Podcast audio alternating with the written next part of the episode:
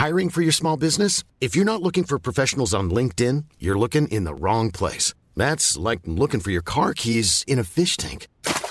LinkedIn helps you hire professionals you can't find anywhere else, even those who aren't actively searching for a new job but might be open to the perfect role. In a given month, over 70% of LinkedIn users don't even visit other leading job sites. So start looking in the right place. With LinkedIn, you can hire professionals like a professional. Post your free job on linkedin.com slash people today. Haga logo, gua aga. Apa kabar kalian yang lagi dengerin ini? Semoga sehat-sehat ya. Yap, balik lagi di hari Sabtu, saatnya segmen curah. Kali ini gue mau bacain DM dari salah satu teman sharing dan tema hari ini tuh tentang toxic relationship. Biasanya kita selalu dengar kalau ada bahasan toxic relationship itu pasti yang ngerasain selalu perempuan. Ngerasa si cowoknya silent treatment lah, atau ngerasa cowoknya selingkuh lah, dan segala macam. Tapi kali ini ada yang berbeda karena yang sharing ini adalah cowok. Ya, gue mau sharing aja sih ke kalian bahwa yang ngerasain toxic relationship itu bukan perempuan aja. Karena kan kadang kita sebagai perempuan ngerasa kalau cowok tuh brengsek gitu ya. Tapi ya ternyata di mata cowok juga ada beberapa perempuan yang brengsek juga. Oke okay, here we go. Dan ini DM dari sender gue masih berada di toxic relationship dan parahnya setengah tahun gue jalanin ini 1,5 tuh setengah atau satu setengah tahun ya? Oke lah skip. Ya segitulah pokoknya. Gue jalanin dan tetap makan hati. Dan gobloknya gue tetap nggak bisa lepas dan gak rela. Sampai-sampai bilang kalau lu nikah sama orang lain gue bakal bunuh dan ancurin nikahannya. Dan parahnya sampai saat ini gue lelah. Kadang stres self harm nampar kepala nyalahin kenapa gue nggak peka? Karena dia bilang kamu tuh nggak peka. Jadi wajar gue salahin diri sendiri karena kata dia ini salah gue dan tololnya gue tetap ngemis-ngemis minta dia balik walaupun kadang kata-kata dia kasar entah lebih parahnya menurut gue di hadapan dia gue cium kaki dia seolah dia Tuhan gue dan nusukin kunci motor ke kepala dan sialnya kuncinya malah jadi huruf L. Sampai saat ini gue masih bertahan sama dia orang. Udah gue coba nyari cewek dan coba buka hati tapi gue malah di ghosting mulu. Kayak ini gak adil banget. Gue dipaksa bertahan tapi pengen pergi gak diizinin. Gak tahu bisa jadi topik apa enggak. Udah nyoba ke psikiater tapi kebutuhan lebih penting masalahnya. Good night and always fake smile. By the way, DM dia ini sempat gue balas. Ini, ini bulan Juni. BTW. Um, gue balas, boleh to the point gak? Tapi seriusan. Kenapa kalau mau sembuh, caranya harus buru-buru buka hati dan nyari cewek lain. Kenapa nggak coba healing dulu, sembuh dulu, coba belajar nyiptain kebahagiaan lo sendiri dulu. Karena dari yang gue lihat, lo itu sangat amat menggantungkan kebahagiaan lo sama si cewek ini.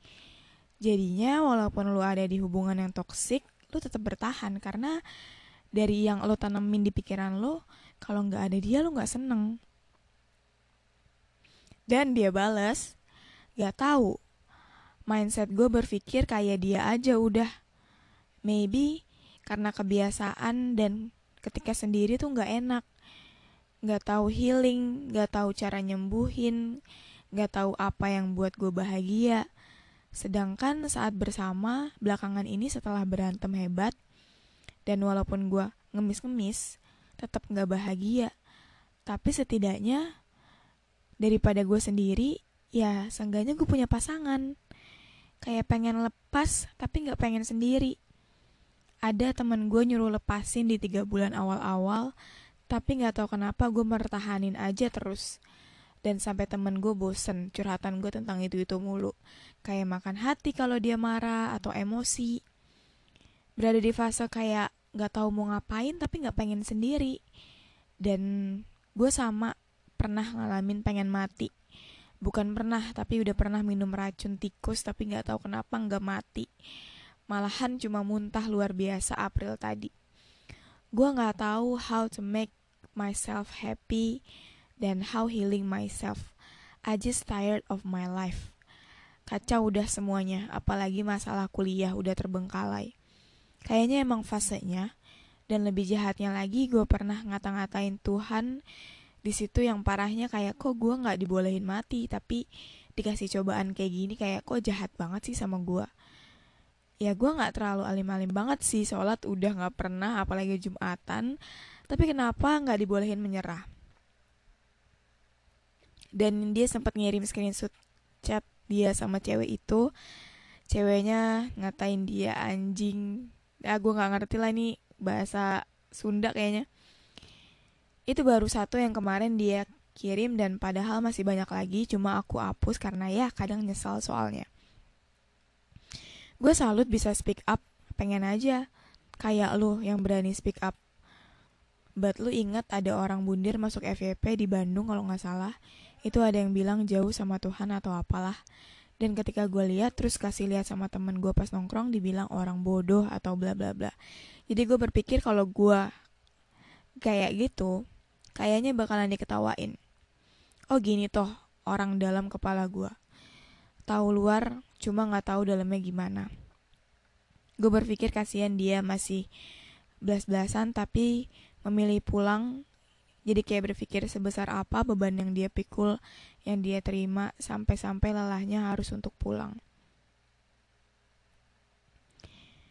Ya intinya kayak gitulah gue juga nggak paham apa masalahnya sampai dia bisa ke tahap di relationship yang sangat toksik yang bikin dia nyakitin diri dia sendiri yang bikin dia merasa useless. Jadi gini tanggapan gue menurut gue kita sebagai orang awam ketika menasehati teman kita yang ada di lingkungan toxic relationship itu pengen kita ngomong A sampai Z pengen kita ngomong sampai berbusa itu akan mental. Kenapa? Karena teman kita ini nggak belum capek. Karena teman kita ini belum nyerah. Sebenarnya capek. Ya dia ngeluh capek gitu. Gue makan hati mulu kalau hubungan sama dia bla bla bla bla. Tapi jauh di dalam lubuk hatinya dia yakin bahwa hubungan ini tuh bisa ini tuh masih bisa dipertahanin ini tuh masih bisa diperjuangin karena dia yakin bahwa one day pasangannya tuh akan berubah akan jauh lebih baik ketika dia milih untuk bertahan. Nyatanya nol. Kenapa gue berani bilang kayak gitu? Karena ya gue pernah kayak gitu. Gue pernah bego 7 tahun gitu. Bilangin sama teman gue, Sar udah cari yang lain, banyak yang mau sama lo. Yang gak bisa. Karena gue kalau udah satu ya satu gitu loh ya bego emang cuma ya belum nyerah aja belum capek aja masih berharap kalau dia bisa ngeliat nih effortnya gue pertahanin dia dia gue harap one day dia bisa lihat gue yang nutup kuping de dari teman-teman gue bilang buruknya dia dari A sampai Z tapi gue nggak peduliin gitu. Gue masih yakin kalau dia baik gitu. Jadi ya percuma lu mau bilang apa lu mau bilang gue pantas dapet yang lebih baik segala macem. Kalau gue maunya dia ya percuma kalau gue belum capek sama dia ya percuma. Ya kayak gitulah istilahnya. Dan yang sangat gue sayangkan sama sender ini adalah dia belum bisa nemuin kebahagiaan diri dia sendiri. Sekarang gue sadar bahwa ketika nanti nih misalkan gue pacaran lagi gitu ya gue mau gue menjalin hubungan di saat kondisi diri gue udah happy di saat kondisi gue udah bisa nyiptain kebahagiaan diri gue sendiri. Karena gue mikirnya ketika gue udah nemuin kebahagiaan untuk diri gue sendiri ketika nanti amit-amit gitu ya pasangan gue nyakitin gue lagi ya manusia akan selalu menyakiti gitu kan tanpa disadari. Gue nggak akan sakit-sakit amat karena gue tahu cara healingnya. Dan gue yakin si sender ini tuh nggak tahu belum tahu belum tahu gimana tindakan yang benar ketika uh, dia nggak dapat apa yang dia mau dari pasangannya. Misalkan yang dia mau dari pasangannya adalah ya hubungan yang romantis hubungan yang harmonis gitu. Tapi kenyataannya sampai dikatain anjing lah sampai dia nyakitin diri dia sendiri lah. Berarti kan itu nggak sesuai sama apa yang dia mau kan dan hal yang dia lakuin adalah nyakitin dirinya sendiri.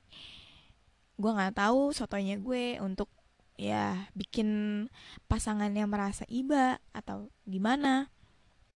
Dan yang dia lakuin ketika pasangannya uh, eh, gak sesuai sama apa yang dia mau adalah ngemis-ngemis kayak itu tadi. Sebenarnya sumpah ya. Uh, entah itu pengen cowok pengen cewek sama aja ketika lu ngemis sama seseorang sama pasangan lu itu nggak worth it. Itu akan membuat diri dia makin ngerendahin lu karena ya dia tahu nih ada orang yang sayang sama dia ada orang yang ngemis-ngemis sama dia ada orang yang disakitin, yang udah disakitin berulang kali tapi tetap ngemis sama dia, lu akan semakin diperlakukan seenaknya sama pasangan lu. Sekarang gini deh, jujur untuk yang denger ini, entah perempuan entah laki-laki ya. Uh, kadang ada tuh beberapa orang yang ketika dideketin sama cowok, entah dideketin sama cewek, ya dideketin sama seseorang lah dia lebih milih misalkan nih dia dideketin sama dua orang yang satu cuek tarik ulur gitu lah ya. Nggak jelas gitu. Yang satu ada effort nih yang satu gaspol gitu.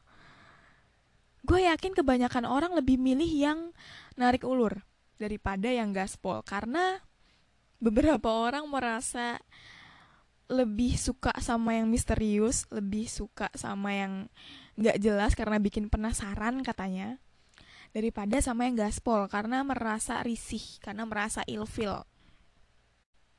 Ya nggak sih? Karena manusia tuh emang sumbernya nyari penyakit, gue heran anjir.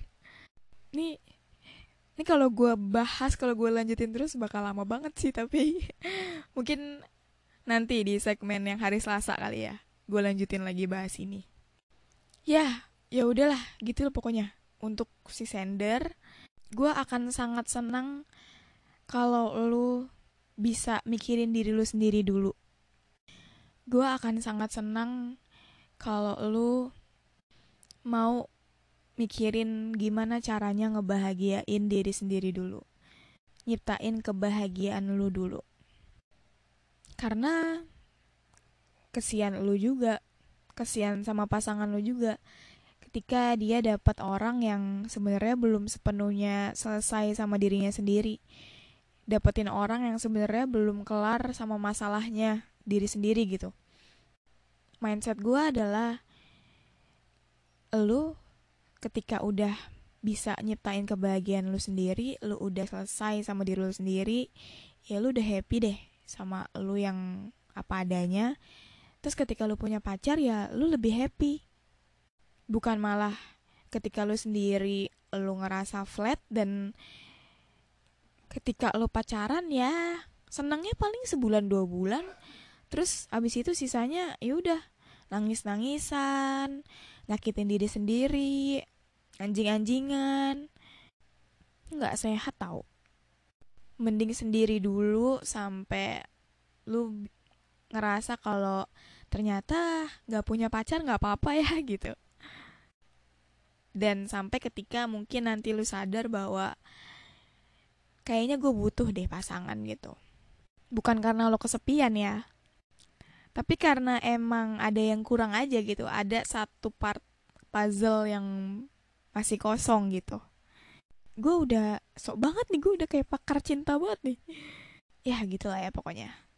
Anjay 15 menit. Oke, segini dulu aja episode curah kali ini. Sorry banget nih panjang banget karena emang pembahasan tentang kayak gini-gini tuh kayak gue udah hatam gitu.